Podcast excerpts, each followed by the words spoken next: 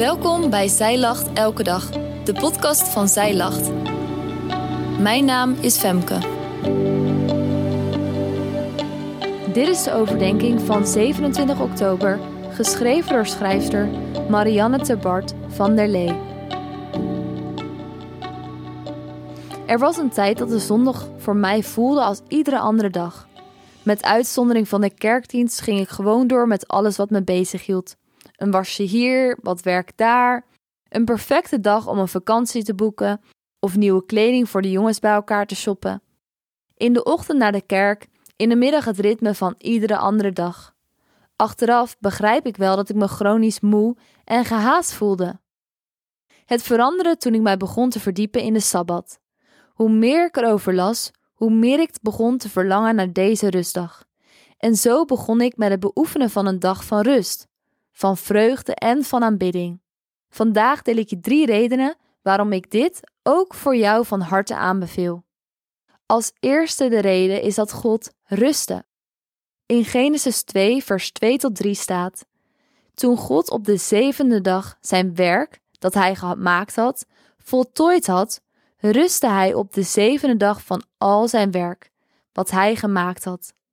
En God zegende de zevende dag, en hij heiligde die, want daarop rustte hij van al zijn werk dat God schiep door te maken.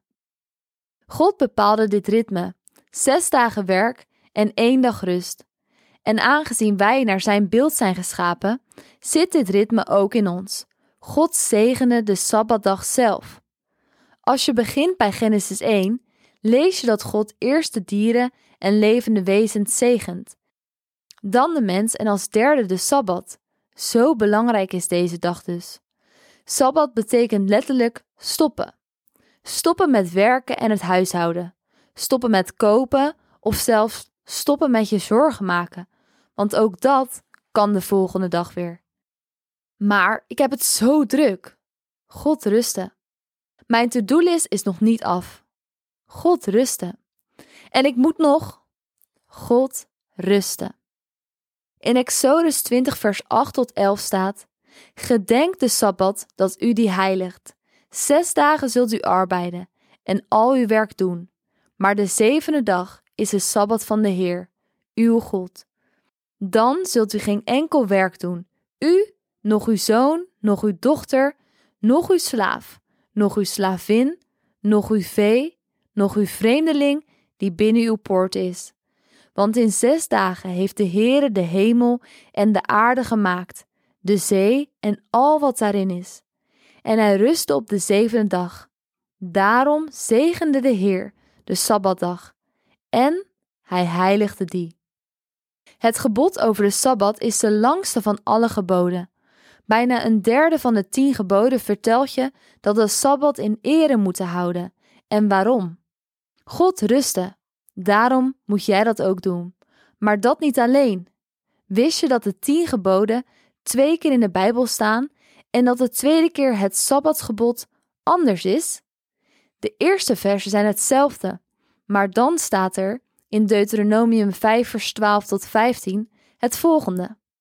Want u zult in gedachten houden dat u slaaf geweest bent in het land Egypte, en dat de Heere, uw God, u van daar uitgeleid heeft met de sterke hand en uitgestrekte arm.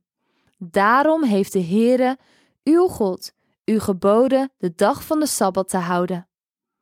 De Sabbat is niet alleen een dag om te rusten, maar ook een dag om in gedachten te houden wie God is. Hij is je bevrijder en redder. En de derde reden is: de sabbat is een geschenk van God. In Marcus 2, vers 27 staat: En hij voegt eraan toe: De sabbat is er voor de mens, en niet de mens voor de sabbat. Een van de mooiste versen over de sabbat vind ik dit vers uit Marcus. Jezus is in dit gedeelte in gesprek met de Fariseeën, omdat de discipelen aren plukten en dat volgens de wetten niet mocht. De Fariseeën maakten de Sabbat wettisch, maar zo is deze dag nooit bedoeld. De Sabbat is na Adam geschapen, als geschenk voor de mens, niet voor Adam als doel op zichzelf.